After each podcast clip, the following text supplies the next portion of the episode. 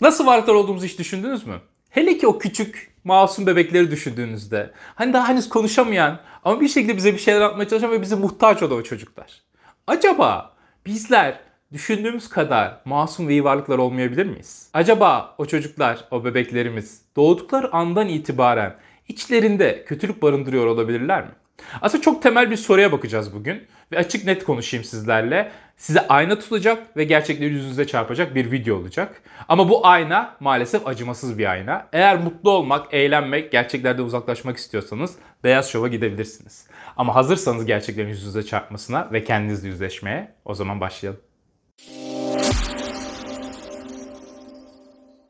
Herkese merhabalar. Bilgi Devlet Üniversitesi doçent olarak çalışıyorum. Bu videolar vasıtasıyla olabildiğince bildiklerimi gördüklerimi aktarma çabası içerisindeyim. Aynı zamanda kanalımızın gelirlerini her ay sizlerin belirlemiş olduğu bir hayır kurumuna bağışlamaya çalışıyoruz. Dolayısıyla kanalımıza abone olursanız ve zili açarsanız hem gelecek videolardan haberdar olabilirsiniz hem de bu hayır miktarı arttırma noktasında bizlere katkı sunabilirsiniz diyerek hızlıca videomuza geçiş yapalım.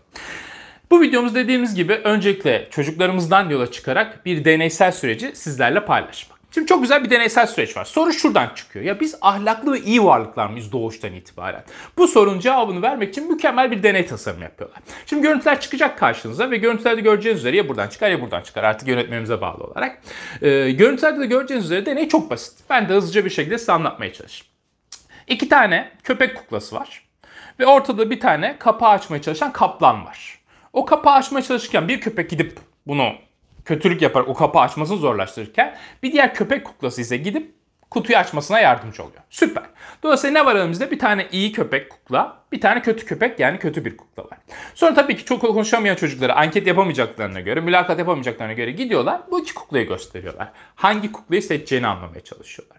Ve çocuklar büyük çoğunlukla iyi kuklayı seçiyor. Yani diğer kaplana yardımcı olan kuklayı. Süper. Şimdi bütün insanlık çok mutlu. Hepimiz diyoruz ki işte bu ya. İnsanlar doğuştan iyidir. Doğuştan ahlaklıdır. Hepimiz çok mutluyuz. Ama bilimin çok kötü bir özelliği var hocam. Bilim her zaman gerçeği bulmak için çaba sarf eder. Ve hep ilerleyişi aynıdır. Nedir? Önce bir teori ortaya atarız. Önce bu teori farklı noktalarda doğrulamaya çalışırız. Yani yer çekimi var mıdır? Vardır. Çorum'da var mıdır? Vardır. Malatya'da var mıdır? Vardır. New Jersey'de var mıdır? Vardır. Vardır, vardır, vardır. Artık teori sağlamlaştı. Ondan sonra yeni bir akım başlar teoriyi yanlışlamaya uğraşırız. Ne kadar yanlışlamaya uğraşır, yanlışlayamazsak o teori o kadar sağlamlaşmaya başlar. Aynı süreç burada da olmuştur. Yani ilk önce insanın ne kadar ahlaklı olduğunu biz varsaydık. Ama daha sonra ilk olarak şu soru akıllara geldi. Ya insan madem bu kadar ahlaklık, ahlaklı bir varlık, bunca katliam, bunca ölüm, bunca yolsuzluk, hırsızlık nasıl oluyor o zaman ya? Bu kadar çakallığı niye yapıyor bu varlık bu kadar doğuştan iyiyse? Biz bütün bu çakallıkları büyürken mi öğreniyoruz? İşte bu soruyu cevaplamak için yeni bir deney daha yaptılar. İşte o deneyde şunu gerçekleştiriyorlar. Çok basit bir manipülasyon yapıyorlar artık. İki tane kaplan var bu sefer ve yine iki tane kukla köpeğimiz var. Kaplanlara görüntülerde göreceğiniz üzere birer kraker seçtiriyorlar. Diyelim ki ben çubuk krakeri seçiyorum, bir diğeri de pizza krakeri seçiyor. Diyelim ki kuklamız bir tanesi çubuk krakeri seçiyor, X, X kuklası, Y kuklası da pizza krakeri seçiyor. Sonra çocuğa sunuyorlar hangi krakeri seçeceğini. Ve diyelim ki ben de çocuk olarak pizza krakeri seçiyorum. Harika. Şimdi elimizde senin gibi pizza krakeri seçmiş bir tane kuklamız var ve senden farklı olarak çubuk krakeri seçmiş bir kuklamız var. Bakın tek ayrım seçilen krakerde. Dolayısıyla benimle aynı krakeri seçmeyen kuklaya aynı deney yapıyoruz. Yani bu kukla bir kapağı açmaya çalışıyor. Bu sırada bir köpek buna iyilik yapıp yardımcı olurken bir diğer köpek ise bunun şeyini şeyin açmasına yardımcı oluyor. Ama engel oluyor özür dilerim. Ve daha sonra biz çocuğa yine gidiyoruz hangi kuklayı seçeceksin? Seninle aynı krekeri seçmeyen kuklaya yardımcı olan kuklayı mı? Yani eskiden olduğu gibi. Yoksa ona kötülük yapan ve yardımcı olmayan kuklayı mı? İşte olay burada tersine dönüyor. Ne oluyor biliyor musunuz? Benimle aynı tercihte bulunmayan, daha sonra bebekler kendileriyle aynı tercihte bulunmayan kuklanın cezalandırılmasını istiyorlar. Acı çekmesini istiyorlar. Ve bunun için ona kötü davranan kuklayı seçmeye başlıyorlar. İnanılmaz bir değişim. Peki bu neyi gösteriyor aslında bir nevi?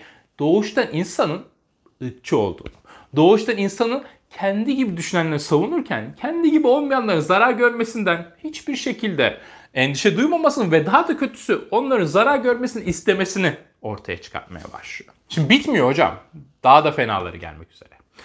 Yaşlar birazcık ilerledikten sonra bir deney yapmaya başlıyorlar. Artık çocuklar konuşabiliyor, ne istediklerini anlatabiliyorlar ya. Onlara şöyle bir deney tasarım yapıyorlar. İlk önce 7-8 yaş grubuna yapıyorlar bu tasarım. O da şu. İki tane seçim hakkımız var bizim. Biri şu. Karşımızda hiç görmediğimiz bir çocuk olduğunu varsayıyoruz ve önümüzde jetonlar var. İki seçenekte şöyle bir durum var. Bir seçenekte ben iki jeton alıyorum. Karşı taraf iki jeton alıyor. Ya da ben 3 jeton alıyorum ve karşı taraf 2 jeton alıyor. Hangisini tercih edersin diye soruyorlar. Ve bu jetonların karşılığında bize şeker verecek ve karşı tarafa da onun karşılığında ne varsa işte yine şekeri verecekler. Dediğim gibi 2'ye 2 mi almak istersin 3'e 2 mi? Tabii ki çocuklar ne yapıyor? 3'e 2 alıyorlar. Hani burada birazcık bir rasyonellik var diyebiliriz. 3 bana 2 ona abi niye 2'ye 2 alayım diyorlar. Ama ilginç bir şey yapıyorlar ondan sonra. Diyorlar ki peki şöyle olsa 2 jeton sana 2 jeton ona 1 jeton sana 0 jeton karşıya. Şimdi burada rasyonel olan şu 2'ye 2 almak. Hem ben fazla alacağım hem o alacak. Çocuklar ne yapıyor biliyor musunuz? Bir jeton bana, sıfır jeton ona diyorlar çoğunlukla. Niye? Çünkü karşı tarafın hiç sahip olmamasını, daha çoğun benim sahip olmamı istiyorlar. Eşitlikten yana değiller. Şimdi daha ilginç bir şey yapmaya başlıyorlar. Yaşlar büyüyor ve büyüdükçe Burada yine jeton seçeneklerinde şöyle bir şey ortaya çıkmaya başlıyor. Diyorlar ki 2 jeton sana 2 jeton ona 3 jeton sana 2 jeton ona mı? Aynı soruyu soruyorlar. Ve yaşlar büyüdükçe çocuklar diyor ki 2 jeton bana 2 jeton ona. Bak rasyonellikten çıkan 2'ye 2'ye dağıtıyor. Çünkü 3'e 2 aslında daha rasyonel. Hem ben 3 alacağım o da aynı 2'ye alacak değil mi? Ya da diyorlar daha da bu irasyoneliteyi arttırmaya başlıyorlar. Sana hiç jeton, karşı tarafa 8 jeton, 8 8 mi? Bana hiç jeton, karşı tarafa 8 jeton diyorlar. Wow, insanlık ne kadar güzelleşiyor. Harika, mükemmel bir dünyaya doğru gidiyoruz diye varsayıyoruz. Ama olayın aslında biliyor musunuz? Sosyal normlar. İnsanın iki yüzlüğün en güzel örneğidir hocam sosyal normlar. Sosyal normlar nedir? Hemen kısaca anlatayım. Sosyal normlar şudur. Biz çevremizdeki insanların bekledikleri cevapları biliriz. Yani deriz ki hırsızlık sence iyi bir şey midir? Biz hırsızlığın iyi bir şey olduğunu düşünüyoruzdur. Ve şöyle deriz. Hayır hırsızlık çok kötü bir şey. Niye? Çünkü etrafımızdaki insanların cevap olarak ne beklediğini tahminleyebiliriz. Çünkü belli bir yaştan sonra, bu yaşta çok dikkat edin 8 yaş civarıdır. Belli bir yaştan sonra sosyal normları beyin çok rahatlıkla algılamaya başlar. Dolayısıyla biz sosyal normları gibi toplum içerisinde davranmaya başlarız. Hepiniz yapıyorsunuzdur. Patronun saçma sapan esprisine gülersiniz. Ha ha ha ha. Niye? Abi saçma. Zaten patronun da güzel espri yaptığını görmedim. Bu patronun bir espri yeteneği mi gidiyor? Ya da herkes kendini yalakaca güldüğü için her şeyin komik olduğunu falan mı zannediyor bilmiyorum. Ama böyle bir durum var. Ve güleriz. Niye? Çünkü etraf gülmemizi bekliyordur. Abi hiç komik olmadı. Hepimiz içimizden belki küfür ediyoruz. Allah benim nasıl espri diye. Ama işte sosyal normlar böyle bir şey. Neden 7 yaş, 8 yaş, 6 yaş? Bu yaşlar çok önemli. Dikkat edin çevrenizde çocuklarda da görürsünüz hocam. Sosyal normları bilmeyen çocuklar, kız çocukları mesela erkeklere daha çok yanaşırlar. Böyle büyük abileri daha çok severler. Onların yanına daha fazla giderler. Ya da erkek çocuklar kız çocukları daha çok severler. Ya da kız büyükleri. Hep onların yanına giderler, kucağına otururlar. Hep onunla zaman geçirirler. Çünkü bu içgüdüsel bir şey. Sosyal normları bilmiyoruz ve erkek kadına, kadın erkeğe gidiyor.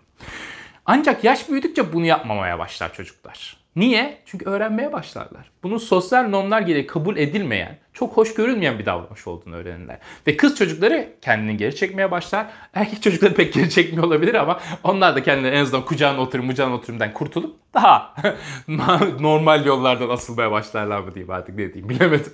Şimdi dolayısıyla hocam sosyal normlar işte bizi böyle yalandan dışımıza hani heykelin dışı gibi bizi yontan bir şey ama içimiz hala aynı. Şimdi az önceki bu şeyden bahsettik ya jetonlara göre artık çocuklar büyüdükçe daha fazla vermeye başlıyorlar. İşte bunun tek bir nedeni var hocam. Gerçekten içlerinde değişmediler. Asıl olan artık gözetlendiklerini ve onlardan beklenenin ne olduğunu farkındalar. O yüzden kendilerine 0 jeton karşıya 8 jeton vermeyi kabul ediyorlar. Niye kabul ediyor? Çünkü sosyal normlar gereği etrafındaki insanların ne beklediğini biliyor. Şimdi konuyu özetlersek, hocam insan böyle bir şey. Bilimsel birçok gerçek bunu ortaya koyuyor. İşte beyaz bebeklerde Siyah bebek, beyaz bebeğe ilişkin beyin dalgalarını ölçüyorlar, ırkçılığı görüyorlar. Asyalılar da ölçüyorlar, ırkçılığı görüyorlar. Ya bu doğuştan içimizde var olan büyük ihtimalle kendi grubumuzu koruyarak daha fazla hayatta kalma içgüdülerimizin bir sonucu olarak ortaya çıkmış bir şey.